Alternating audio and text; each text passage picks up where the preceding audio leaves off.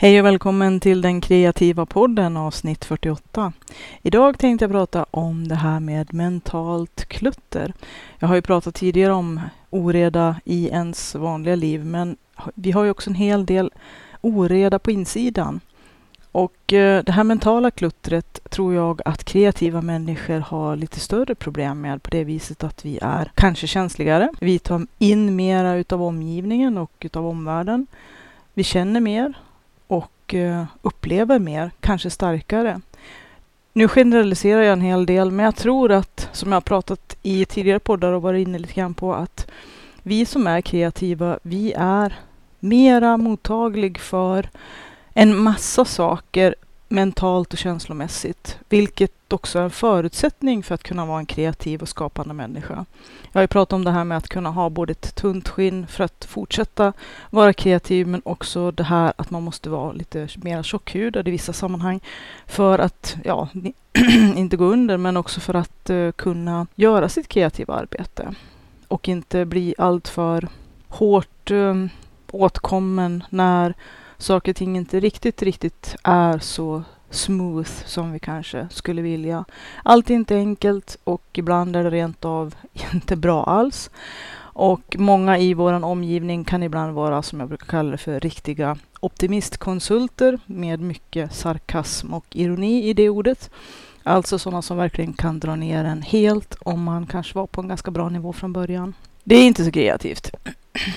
Det svåra är ju att eh, dels försvara sig från det här, om man måste försvara sig. Jag har väl mer eller mindre kapat bort alla sådana källor. Om jag känner att jag måste rehabilitera mig i flera timmar efter att jag träffat en person eller varit i en viss situation, då kanske det inte är rätt för mig. Alla måste göra sin bedömning och göra sina väl avvägda beslut kring det här. Och vissa saker kanske man helt enkelt måste inse, det här kommer aldrig att bli bra. Jag måste kappa bort det. Det kan ju också vara saker som kommer från insidan och det kan ju vara allt ifrån ens barndom, ens uppväxt, saker som man har blivit itutad eller som har präglats i en, nötts in, saker som man har fått höra. Eller som man kanske bara hörde en enda gång och som bet sig fast. Det kan ju också vara att man är som sagt känslomässigt och eh, upplevelsemässigt mera öppen och tar in allting. Det finns ju personer som är känsligare, mycket känsligare än kanske vad som är inom citattecken normalt. Vad är normalt? Jag vet inte. Att ta in mera än alla andra människor vad det gäller att registrera känslointryck och upplevelser kan ju vara en eh, både en välsignelse och en förbannelse. Välsignelse för den som är kreativ. Som författare till exempel så är det ju en klar fördel att kunna registrera och ta in så mycket utav omvärlden och utav upplevelser utav andra människor och intryck som möjligt för att då fyller man ju på sin kreativa källa med en massa material som man sen kan använda. Och det tror jag också gäller för alla kreativa människor, alla konstnärliga människor, alla människor som skapar eller löser problem, att vi måste ha en ganska hög och god förmåga att registrera och ta in en hel massa. Men i det kommer också förbannelsen att vi tar in kanske mycket, mycket mer än vad gemene man gör, som också in, gör att vi inte har det här filtret, det här skyddet som de allra flesta människor mer eller mindre kanske har. Vad vet jag? Men att eh, det här eh, frånvaron av filter är ju bra när man vill fylla på sin kreativa källa och är ju bra när man är skapande och kreativ människa. Men kan också vara nästan rent av handikappande för en del och speciellt de som är highly sensitive people eller HSP eller de personer som är eh, empater. Att vara empatisk är ju en empatisk eh, egenskap. Eh, och utan empati så vet jag inte om vi kan skapa någonting kreativt överhuvudtaget som skulle kunna tilltala andra människor.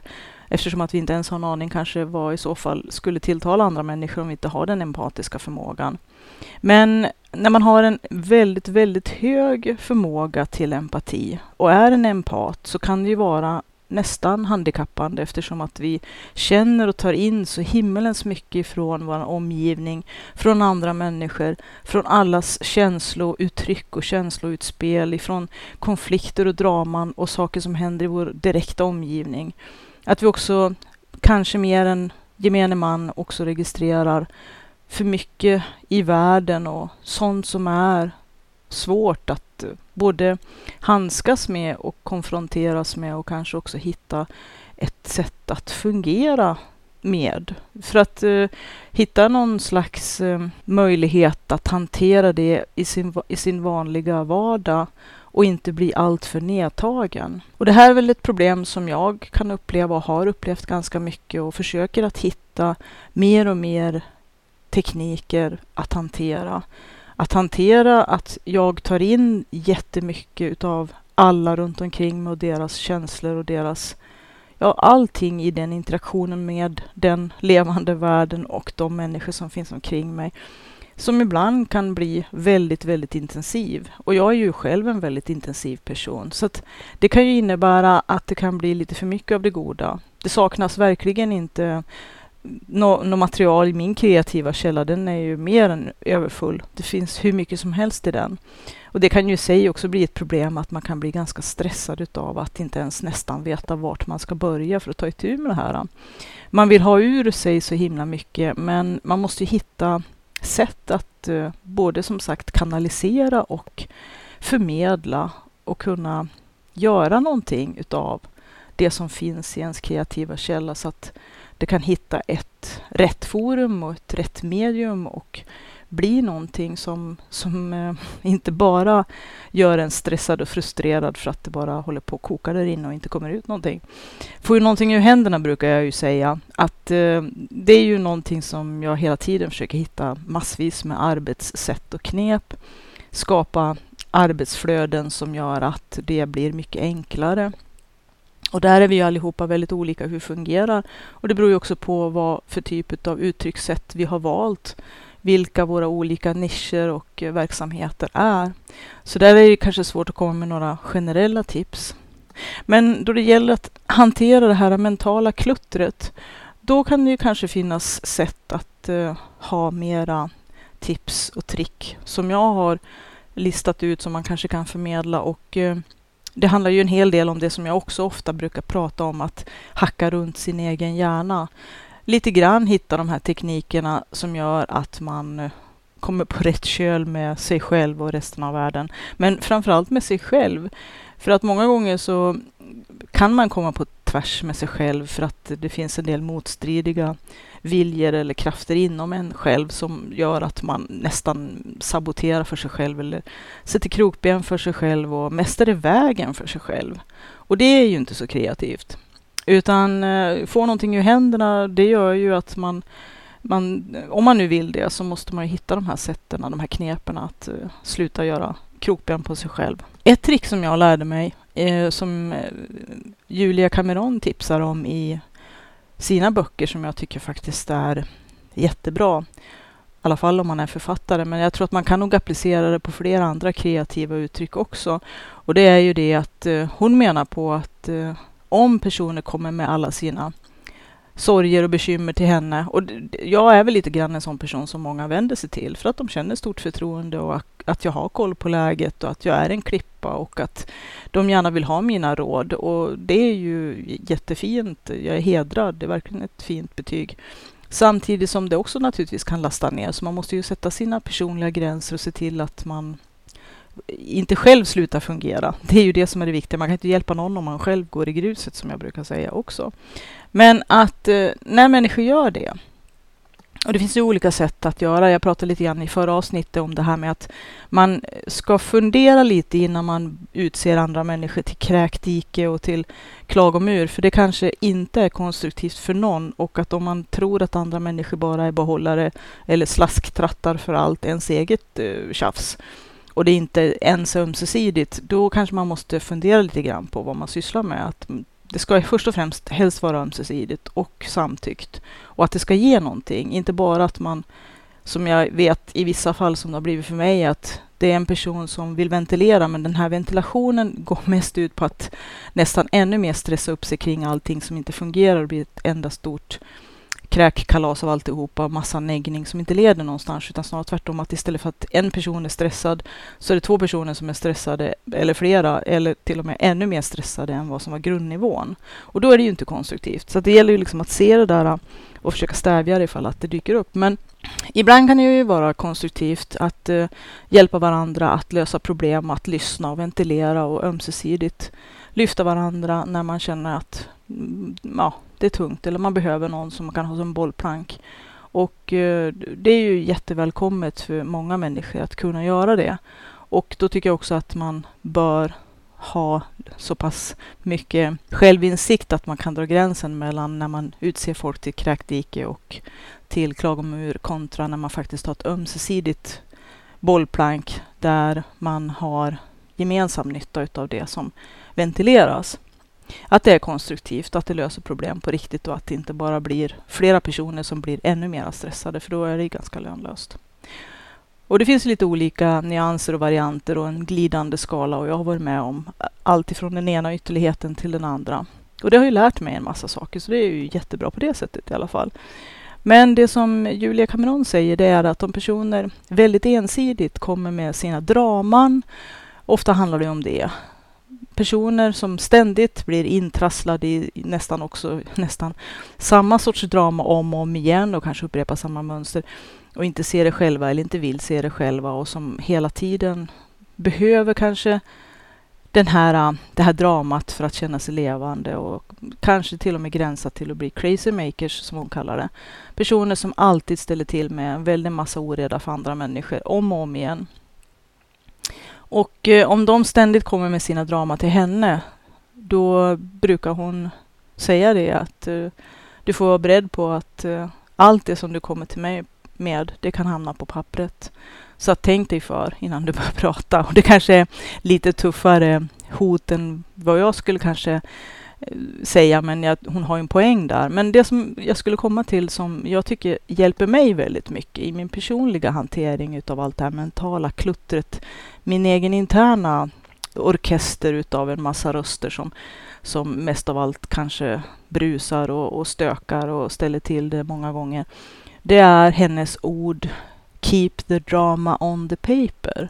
Det vill säga håll dramat på pappret. Och som författare så kan jag känna att det finns en väldig poäng att eh, se till att dramat hamnar på pappret och inte kokar runt i skallen till nästan ingen som helst nytta. För att som det är med mycket mentalt klutter så är det faktiskt så att det mesta, det blir som en torktumlare och för runt och bara kokar runt och det blir liksom bara värre och värre, det blir en självförstärkande historia utav det hela. Att det blir bara en spiral uppåt, uppåt, värre, värre, mera, mera. Att det blir torktumlareffekten där och till slut så är man i någon slags storm som kan vara själv, helt och hållet självinducerad en del gånger. Inte alltid, men och det kanske är små saker som kan ha utlöst det, att man kanske börjar jaga upp sig för en hel del saker.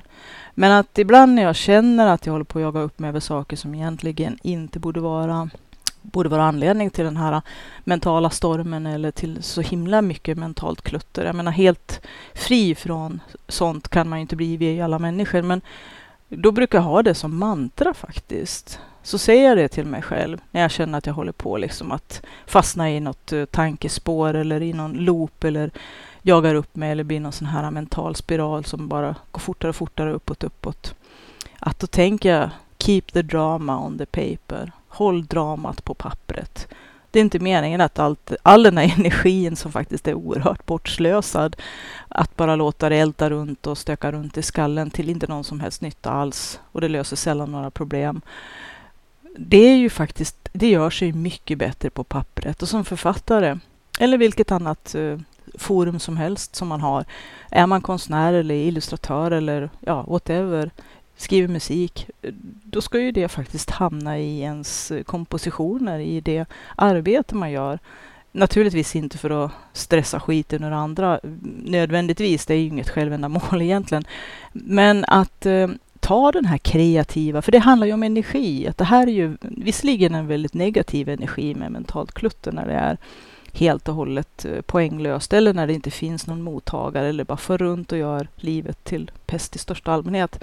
Att ta den energin. Jag menar, man säger ju det också att ilska till exempel, som kan vara en väldigt negativ och destruktiv känsla. Om man tar ilskan och omvandlar det till en kraft till förändring att förändra saker och ting, ibland måste det nästan till att man blir förbannad för att man ska hitta den här kraften att förändra saker som man i efterhand kommer på att vilken tur att allt det här som inte var så kul just när det hände, hände. För att annars skulle jag aldrig ha tagit mig för och gjort de här förändringarna som jag ser nu är så otroligt vitala och så väldigt positiva och viktiga för mig och för min utveckling och för mitt liv.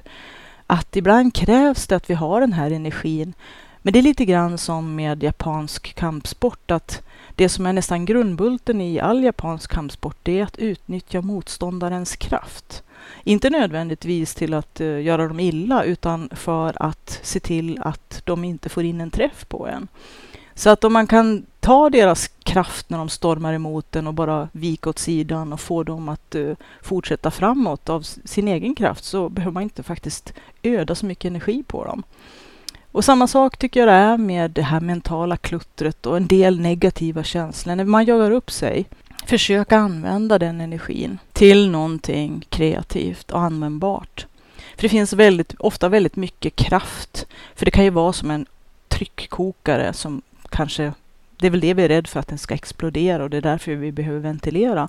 Men om man kan omvandla den kraften till någonting kreativt, ta kraften och göra någonting bra av det. Är man oerhört eh, förbannad, rent ut sagt, då kanske man kommer igång med den där träningen och börjar springa i, i, i spåret och eh, det är ju en investering i ens hälsa istället för att låta all den stressen kanske göra sönder en från insidan. För det är ju så att eh, stress, det är ju negativt om det är konstant. Vår kropp är ju inte byggd för konstant stress när vi, byggde, när vi bodde en gång i, eller när vi levde en gång i tiden på Afrikas slätter så var det ju oerhört bra att ha den här explosiva möjligheten till att antingen frysa och vara helt tyst och stilla för att rovdjuren inte skulle upptäcka en. Om de gjorde det, då var det bra att kunna göra en explosiv flykt, att fly fort som attan. Och vår kropp reagerar ju på den här stressen se till att allt blod samlas i de större muskelgrupperna som benen till exempel och lungorna och alla de musklerna som ska få oss, hjärtat ska få oss därifrån.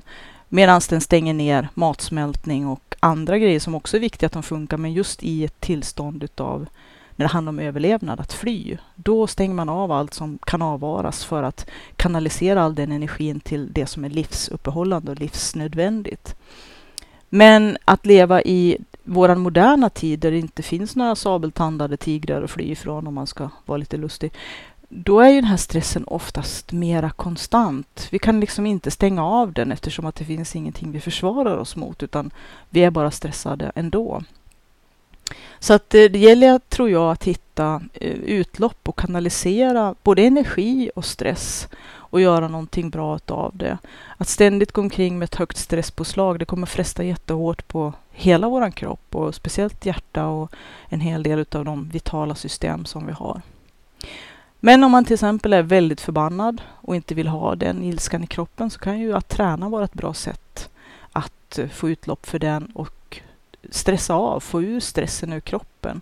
Att arbeta med kroppen är ju ofta ett bra sätt att få ut mycket av den här frustrationen och stressen som vi kan känna i kroppen när vi har väldigt mycket mentalt klutter eller mycket, mycket intryck eller mycket saker som kokar runt. Att det är ett bra sätt att dekompressa som det heter på engelska. Jag vet inte, jag har inte hittat något bra ord på svenska. Men att eh, helt enkelt inte bara ventilera ut det mentala som jag pratade lite grann om i förra avsnittet, utan också att ventilera ut det rent fysiska som faktiskt våran eh, kropp och själ är ju väldigt förbundna med varandra. Många tror att vi har kroppen för att bära runt skallen till olika möten och att det finns liksom, ja många lever ju bara från nacken och uppåt.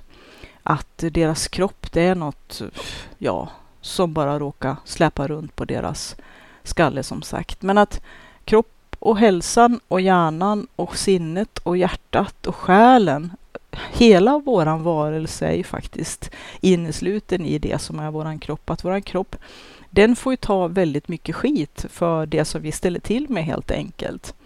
Så att eh, när vi är stressade, då är det kroppen som får ta smällarna Och sen blir vi jättebesvikna när kroppen inte levererar, det vill säga den inte gör det vi tycker att den borde kunna, inte orkar det den borde kunna. Och att den kanske till och med sviker oss och blir sjuk eller skadad. Och så blir vi jättebesviken på den då också. Men egentligen är det vi som inte har skött om den och vi har inte brytt oss om den och vi har inte lyssnat på de här varningstecknen eller lyssnat på kroppens gränser. Vi har bara kört över dem.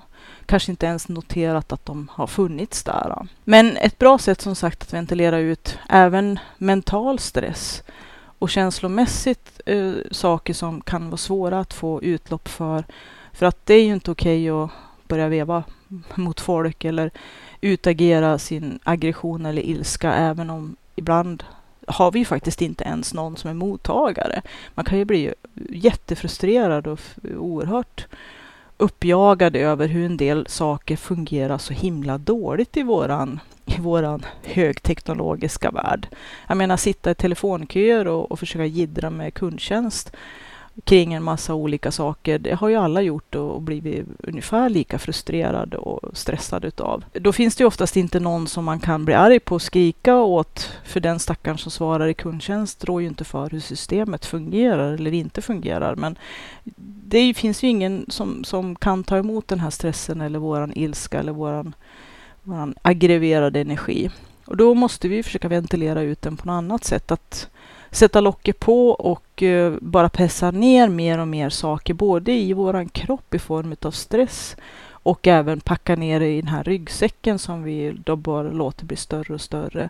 Det är ju inte heller en så himla strålande eh, strategi på lång sikt. Den kommer vi att fortsätta få släpa på om vi inte hela tiden försöker både ventilera och lätta på lasten vartefter. Det tror jag är ett bättre sätt än att låta allting samlas och tryckas ner och tryckas ner och tryckas ner tills det blir någon slags ångkokare, allting bara exploderar, som det ibland blir. Och det är ju någonting som, då är det ju oftast någon som oftast hem, väldigt inte borde ha den smällen rent ut sagt faktiskt. Då är det den här lilla droppen som får hela bägaren att rinna över och så blir det någonting som vi inte riktigt kan stå för som kommer att ja, det blir någon typ av explosion. Förhoppningsvis inte fysiskt, men att eh, vi kanske börjar gapa och skrika åt fel människor eller är arg på de som finns hemma. De får ju oftast ta smällen. När någon har varit stygg på jobbet eller varit otroligt dum i, ja, vad det nu kan vara. Det kan ju vara på internet eller i olika media eller vi har fått eh, jävlas med kunder eller med kundtjänst eller ja, det kan vara en massa saker. Och så kommer vi hem och är vrång och så är det någon på hemmaplan. De som vi faktiskt älskar, de får ta smällen. Och det är ju ganska synd faktiskt. Så att eh, hitta lämpliga metoder att ventilera saker som är jobbiga. Och då är det ju kroppen som sagt som får ta en hel del av den stressen som vi känner mentalt. Att vi behöver städa undan en hel del, som jag var inne på i förra avsnittet, just det här att vi måste sätta oss ner med oss själva och kanske ha det här tankearbetet och ibland gå igenom vem vi är och vad vi håller på med och vart vi ska någonstans och varför vi gör olika saker. Att göra lite bokslut och revidera saker och ting i vår egen uppfattning om oss själva med jämna mellanrum. Men att det som också samlas i ryggsäcken och som samlas i det här mentala kluttret som hela tiden susar runt mellan öronen och ibland värre än någonsin. Det måste ju ibland också få ventileras, avhandlas och eh, göras upp med. Och det ska inte andra drabbas av. Även om vi kanske har andra som kan hjälpa oss frivilligt och ömsesidigt när vi känner att vi hittar en motpart eller flera stycken som vi kan ha det arbetet tillsammans med. Men till syvende och sist så måste man göra sitt eget arbete, huvudsakligen själv, även om att det kan vara bra att ha stöd av andra och ha andra som bollplank och kanske ha mentorer och kanske ha mastermindsgrupper eller gå i terapi. Prata med någon. Det finns olika vägar, jättemånga olika vägar att gå. Man kanske kan hitta en kombinationslösning, men också att ge sig ut kanske i spåret och springa eller hitta en träningsform gå ut och vandra, se natur, skog har jag pratat om mycket.